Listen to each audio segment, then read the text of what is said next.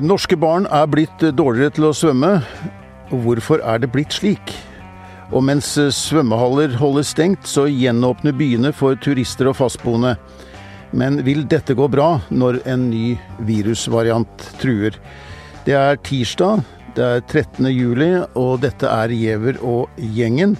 Eh, og i dag så er vi alle samlet i studio her i det som jeg fortsatt liker å kalle VG-huset. Det betyr at um, Shazia Majid og Trine Saugestad Hatlen er med meg, Per Olav Ødegaard, her i studio. Og først skal vi snakke litt om dette med svømme og svømming og svømmeferdigheter. Eh, Shazia, du har jo tidligere både skrevet om og fortalt om at du ikke lærte å svømme da du var barn, eh, og at du fikk angst for og skrekk for vannet på mange måter. Og, og, og så vet jeg at du har gjort eh, At du har lært deg dette etter hvert, men eh, i sommer når du, har, når du og andre ønsker å øve på å svømme, bli bedre på å svømme, så er det vanskeligheter.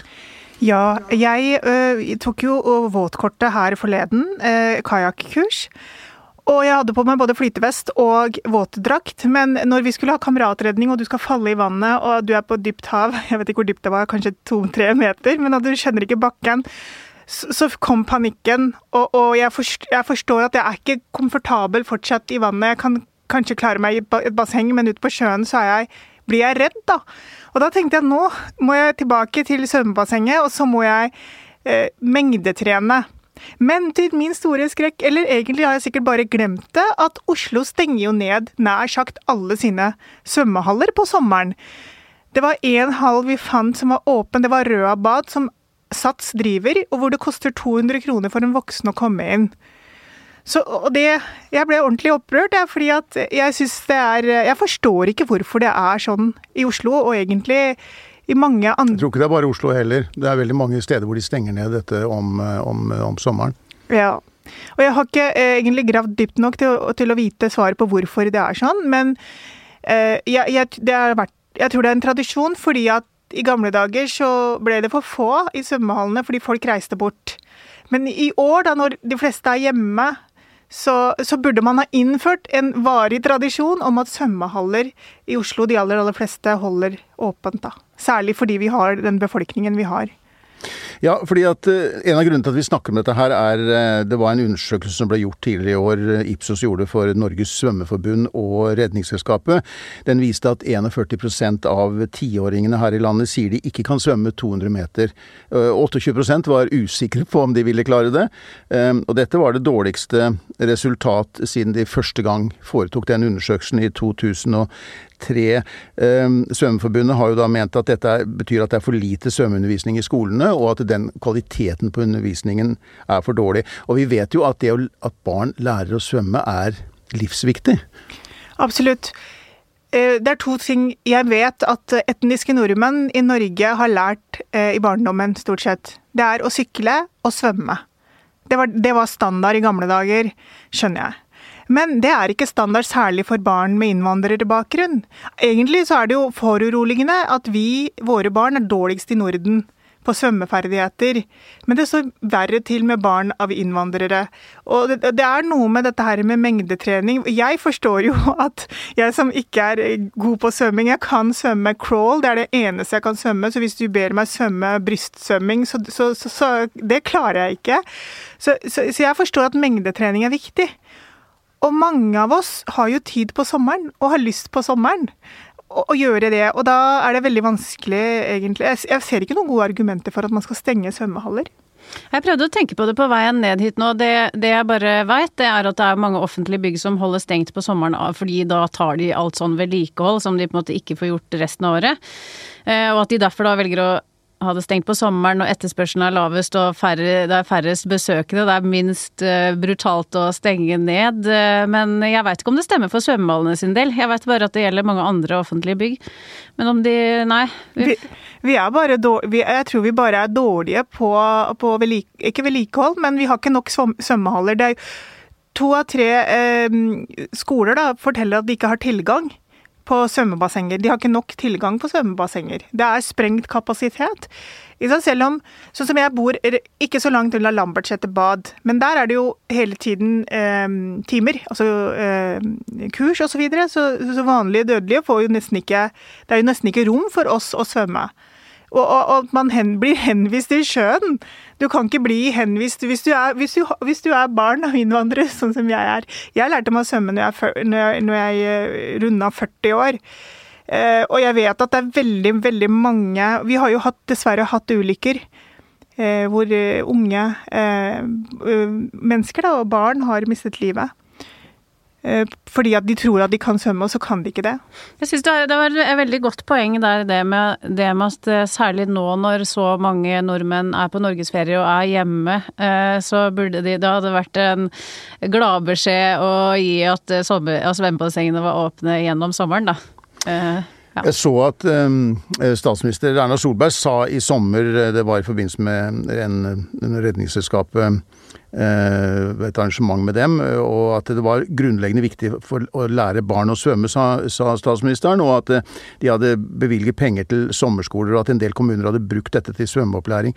Eh, og sånne ting er jo Altså, nå er det sommer, det er sol, for veldig mange betyr det også bading. Og da er det faktisk svært, svært viktig at også barn lærer seg å svømme tidlig. Og igjen da så handler det om, det handler om mengdetrening, det handler om styrke. Jeg trodde jo at jeg hadde blitt eh, mester da når jeg klarte å svømme 1500 meter i basseng. Men det var 25 meter basseng, og for to år siden så, så var jeg på Frognerbatet, og det er 50 meter. Så når jeg skulle da svømme 50 meter i strekk, så eh, helt igjen da, så så mista jeg jo både styrke og pusten og alt, og gikk jo ned. Og hadde ikke sønnen min vært rett bak meg, så, så vet ikke jeg hva som hadde skjedd. Det satte en skrekk i meg. Så det, det er etter to år at jeg faktisk har turt å svømme i sjøen og nå i bassenget, for jeg blei så redd. Og da, da, bare, da, bare, forstår jeg hvor viktig det er at vi ikke bare lærer dem disse takene og de kompetansemålene som nesten så få når i utgangspunktet, men at de også får muligheten, og blir oppmuntret da, til å komme seg ut i svømmehall før de da skal ut på sjøen, eller liksom men din oppvekst Shazia, var sikkert ikke så veldig annerledes enn veldig mange andres oppvekst, eh, hvor dette med å lære seg svømming ikke var en naturlig del, og det å lære seg å være trygg i vannet heller ikke var Hvordan, eh, Hvorfor var det slik egentlig? Hva var det som var i veien for at uh, for, for min del da, for min del så var det jo sånn at pappa sa at vi ikke fikk lov. Fordi han forsto ikke han forsto ikke poenget. Men jeg husker jo at når jeg, var, når jeg var liten, så skulle han lære oss å svømme da vi bodde i Drammen. Og det er jo også en sånn eh, skrekkopplevelse jeg husker, fordi han var, jo, han var jo sånn gammeldags old school-pappa. Han kastet jo oss i vannet. Og bare forventa at vi, vi, skulle flyte og svømme av seg sjøl. Det er ikke helt sånn det fungerer. Men, men eh, når vi begynte på skole og sånn, så, så han var veldig streng, for han visste ikke bedre. Men det gjaldt Vi er jo fem eh, jenter. Det gjaldt oss to eldste. De tre yngste fikk jo lov. Så, så vi jeg har, jo, jeg har jo kalt det, for, forsøks, oss for forsøkskaniner. Den første generasjonen med barn, da. Det var så mye vi ikke fikk lov til. Så, men det er jo fortsatt sånn at det er barn som eh, enten blir holdt igjen eller ikke føler seg komfortable i bassenget pga. klær eller hva det er. ikke sant? Og da ikke klarer å, å, å nå de kompetansemålene. Vet du hva de kompetansemålene er for fjerde klasse? Nei, det, er, det, gjør jeg ikke. Det er lenge siden. det, er, det, er, 100 meter, svømme 100 meter på magen og, og, og hvile tre minutter, og svømme 100 meter på rygg. Og, og egentlig bli kasta ut på dypt vann og, og kunne klare seg. Bare sånn at dere veit det. Og det vet ikke jeg om jeg klarer, altså. jeg vet ikke om jeg hadde klart det sjøl. Jeg er veldig dårlig til å svømme sjøl. Altså, også traumer fra svømmekurs da i første klasse på barneskolen og en uh, store bølger. Og jeg, veldig, jeg kjenner meg veldig igjen i det du sier. Jeg tror ikke jeg er noe bedre enn deg. Nei, det er i hvert fall Vi får håpe mange i trygge omgivelser lærer seg å svømme i sommer, og at det blir flere steder man kan øve på det, og at dette kanskje vil være noe å tenke på for neste sommer også. Noe av årsaken er vel også har ligget i pandemien. Det har vært mange svømmehaller som har vært stengt nå det siste året, ehm, og vi får håpe at de kan gjenåpnes, og at de kan være åpne i lengre deler av året. Ehm, vi skal, eh, mens altså svømmehallene da er stengt, så er jo på mange måter byene blitt gjenåpnet, og det er kommet tilbake en slags normalitet her i Oslo og i andre norske byer. Og turistene kommer også, det klarer jeg å registrere òg. Det er mange Nå er det norske turister eh, fra andre deler av landet som er her i Oslo. Ikke så mange utenlandske, så vidt jeg kan se, men, eh, men det er jo en turistby i Oslo også. Og, og Trine Saugestad Hatlen, som er min eh, guide når det gjelder det urbane Oslo, og forteller meg hvor jeg skal gå og spise og hvor det er hyggelig å være og sånn. Eh, hvordan er det egentlig sommer-Oslo? Er det like fint som Lillebjørn Nilsen pleide å synge om? Ja, kanskje enda litt finere også. Ehm, jeg fikk besøk av noen turister, noen vaskeekte turister i går. Eh, som kom helt, eh, helt fra Bø i Telemark for å oppleve Sommer-Oslo. Eh, så i går gikk jeg liksom rundt i Oslos gater og opplevde Oslo med litt sånn gjennom deres turistøyne, da. Altså, nå skal jeg ikke på noen måte legge skjul på at jeg har som jeg har fortalt tidligere, vært veldig mye ute på byen i det siste, for jeg har jo sett alle disse EM-kampene ute på pub. Sånn at, men det var liksom en ny opplevelse med de i går. Jeg så liksom nye ting når jeg gikk sammen med de i Oslo i går, da. Eh, fordi at nå er det jo Vi er jo mer eller mindre tilbake til normalen eh, nå. Eh, vi lever med steg tre. Altså det eneste er disse munnbindene som vi på en måte nå har liksom kunnet slutte med. Eh, vi må fortsatt bruke munnbind hvis vi tar taxi, eller eh, jeg måtte lese det her, for at Hvis man skal ta kollektivtransport og man ikke kan holde én meters avstand, da skal man ha på munnbind. Jeg har sett det har vært litt snakk om det der folk klager over at folk ikke har på munnbind inne på bussen og T-banen og sånn nå. Eh, men det er da bare, det er bare hvis du ikke klarer å holde én meter avstand. Og det var jo veldig rart å oppleve hvor hvor uvant det var å, en, å plutselig skulle ta av seg munnbind igjen, fordi vi har blitt så vant til å ha de på oss inne på butikker overalt. sånn at det var jo litt sånn derre Måtte liksom fase det litt ut, da. Jeg har ikke, greid, jeg har ikke greid å ta den overgangen ennå, jeg. jeg. Jeg er jo dobbelt vaksinert, og jeg går fortsatt med munnbind i butikken, og til og med når jeg går inn og ut av VG-huset, så jeg er liksom kanskje litt overforsiktig her, da, men eh, ja, sånn, jeg, sånn, tenker jeg. Ja, ja, jeg ser det er en del som går rundt med munnbind fortsatt, ja. Mm, men det skal da egentlig ikke være behov for det da, eh, på nåværende tidspunkt med de smittetallene som vi har nå. Eh, men vi har tidligere, tidligere før sommeren også snakka om at liksom skulle nå at det nå kom liksom de, det glade 20-tallet tilbake og sånn. Eh, og det Jeg har faktisk jeg har faktisk observert at det faktisk er litt sånn nå. Altså jeg har gått ned i byen både eh, ved den fine havnepromenaden og den nye stranda rett utafor operaen. Eh, der er det liksom samles folk for å danse ute i gatene. Eh, altså, Forleden dag så, så jeg liksom et sånn eh, eller søramerikansk band som spilte nedpå der. Da var det 50-60 stykker som på en måte stimla sammen og dansa salsa i gatene. Det var bare helt eh, magisk, for uh, jeg fikk skikkelig gåsehud. jeg, jeg dansa ikke, men altså, Det er en helt annen stemning nå. Nå er det vel uh, Altså, det, det er masse folk ute på restaurantene, ute og spiser og koser seg. Det eneste Eh, eneste regelen nå for skjenkinga er jo på en måte det med at eh, man ikke slipper inn etter tolv, da. At de kan fortsette å skjenke etter tolv, men slipper, man slipper ikke inn etter tolv. Det er for så vidt fornuftig regel for voksne folk som skal hjem og komme seg på jobb morgenen etterpå.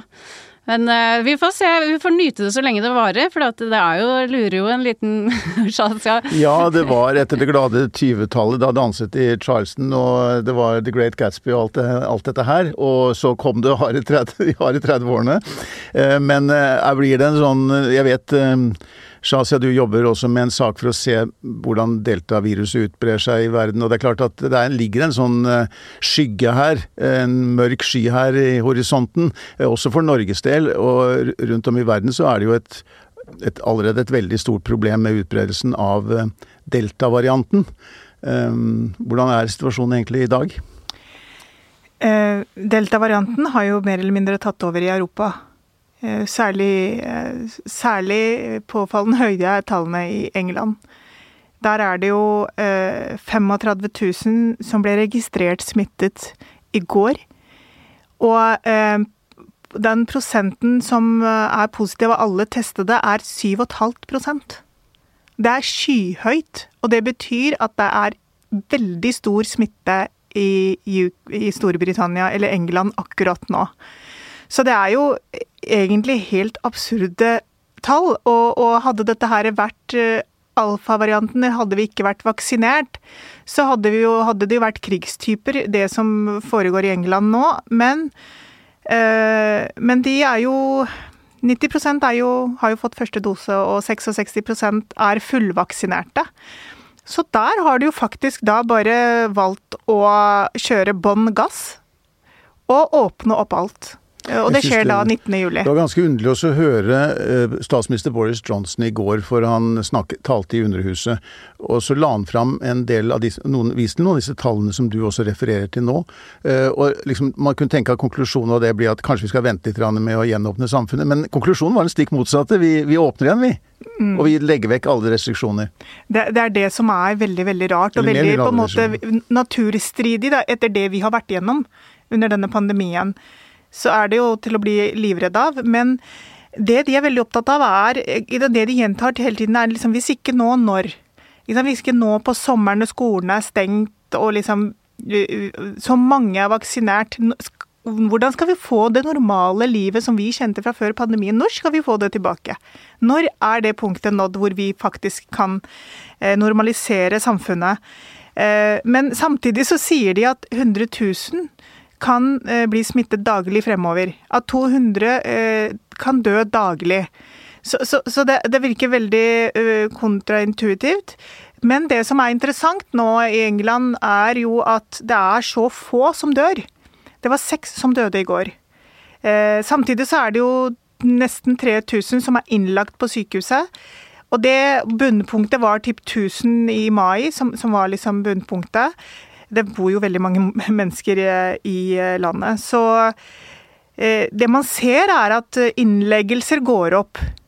Der ser man en økning, men den økningen er ikke på langt ned nær den smitteeksplosjonen man har sett. Da. Så det interessante nå er jo på en måte å se hvordan dette kommer til å utvikle seg. Altså Opposisjonspolitikere sier jo at man gir bånn gass og eh, uten setebelte. Folk er jo også redde eh, i England. Men, men, samtidig, dette her med at vi har jo allerede kasta munnbindene. I, I, England så blir det da fra 19. juli. Og, eh, men samtidig så får de beskjed om at du ta gjerne på deg munnbindet, eller ta helst på deg munnbindet når du er inne på f.eks. kollektivtrafikk. da.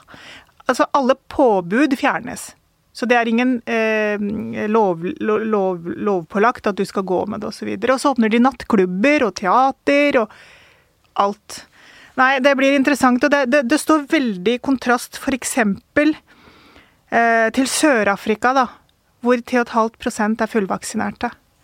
Og det er ikke før ute vår, på våren 2022 at, at alle over 18 år kanskje er eh, vaksinert med minst én dose. Og der har jo smitten eksplodert. Og jeg tror smitten er ekstremt høy i Afrika, bare at vi ikke kan se det fordi at det ikke blir registrert. De har ikke infrastruktur, sånn som vi har. Så vi fanger jo opp mange, men ikke alle. Men der fanger de opp kanskje noen få prosenter av de som faktisk er smittet. Ja, og selv rike land i Asia, sånn som Japan, eh, har vaksinert en relativt liten del av befolkningen, og er nå må innføre ganske strenge tiltak eh, for å begrense det. Nå er vi jo kommet til den situasjonen i Norge at vi har passert tre millioner mennesker som har fått første dose. Ehm, og eh, når vi kommer ut i september, så bør vel snart de aller fleste ha fått to. Ehm, eller da har vel alle fått to, kanskje, av de som takker ja, da. Og det er jo over 90% Og det gjør vel kanskje at vi bør være ganske godt beskyttet. Ehm, så lenge det ikke kommer nye varianter, og så lenge ikke den, denne delta-varianten viser seg å være farligere enn vi har sett til nå. Mm. Det som er det er litt vanskelig på en måte å si at uh, fordi vi er så godt vaksinerte, eller er fullvaksinerte snart, så, så, så er vi alle trygge. Fordi at det har gått for kort tid fra delta-varianten kom til Europa og England, til at vi klarer å se for det tar jo et par uker før du eventuelt blir så dårlig at du må på sykehus osv. Så, videre, så de tallene fremover blir jo veldig interessante på sykehusinnleggelser. Men alt tilsier at vaksineringen fungerer og at, eh, at den tar delta-varianten eh, for de aller, aller fleste. Så jeg tror dette her kommer til å gå bra. men ikke for alle. For det man ser i England, er jo at det er de over 70, 70 år, da. Som, av de få som blir innlagt, så er det de eldre som blir innlagt, som da stort sett er fullvaksinerte. Men samtidig så er det faktisk en stor andel i, i befolkningen med eh, etnisk minoritetsbakgrunn som ikke har latt seg vaksinere i England. Og mange av de havner nå da på sykehuset. Så for Norge sin del så tror jeg vi skal um, vente litt med å trykke på den røde knappen eller få panikk, for jeg tror det kommer til å gå bra. Vi håper du har rett i det. Eh, det jo, men vi vet jo det om delta-varianten, at den er både mer smittsom og kan også potensielt være farligere uh, enn de andre variantene vi kjenner. Så de som da ikke er blitt vaksinert, uh, og kanskje noen av de som er blitt vaksinert, jo en, er jo en, det er jo en risiko der. Absolutt. Er, eh, altså, uansett hvilken vaksine det er, så er det alltid en risiko. Så det er sånn som det er i England nå, så er det folk som blir så syke at de må på sykehuset. Det er folk som faktisk dør, som er fullvaksinerte. Og det kommer vi også til å se i Norge. Det som er spørsmålet, er jo på en måte Fortsetter vi med det normale livet til høsten? Jeg kjenner jo mange som er sånn De lever jo virkelig livet akkurat nå på sommeren fordi de tror at vi kommer til å stenge ned igjen til høsten. Slik vi egentlig gjorde i fjor sommer òg. Husker dere, det var jo egentlig litt sånn løssluppen tilstand i fjor sommer òg. Smittetallene var lave, og eh, vi levde nesten normalt da òg. Mm -hmm. Jeg var til og med en tur i Sverige i fjor sommer. Nettopp. Det er for det er, det, er, det er, jo fortsatt en, den, eh, en sånn stor at man, man, bør jo ikke reise så mye til utlandet. Eller vi får ikke reise så mye til utlandet nå heller, og det er litt, ja, litt akkurat som i fjor sommer. Eh, men ja, vi får se hva som skjer til høsten. Om det kommer noe mer. Nå så jeg smittetallene i går, så var det altså 170 nye smitta i hele Norge til sammen. Og det er vel stort sett sånne utbrudd på Altså det var rett i Gran, jeg vet ikke hvor mange det var da, men det er sånne lokale utbrudd eh, rundt omkring. Men nå skal, er det jo mange som er i utlandet som kommer hjem igjen, så får vi se hva som skjer med smittetallene. Men jeg er helt enig i at vi får nyte det mens ja. vi kan. Neste gang så må du jo bare da bli med på den salsaen ute på gata. Ja, ja, ja. ja. men jeg så, men ikke for å ødelegge denne optimismen som nå brer seg rundt her i studio, men jeg så Folkehelseinstituttet i dag varslet om at Norge må forberede seg på kraftige bølger med influensa, kikhoste og RS-virusinfeksjon når høsten kommer. Så om det ikke er korona, så kan det være andre trusler mot eh, folkehelsen. Jeg tror eh, vi eh, runder av denne sendingen i Giæver og gjengen. Her i studio så har Shazia Majid, Trine Saugstad Hatlen og jeg, Per Olav Ødegaard, hatt denne sendingen sammen med da Christian Konglund, som er vår vaktsjef og produsent. Og vi, vi høres igjen i morgen.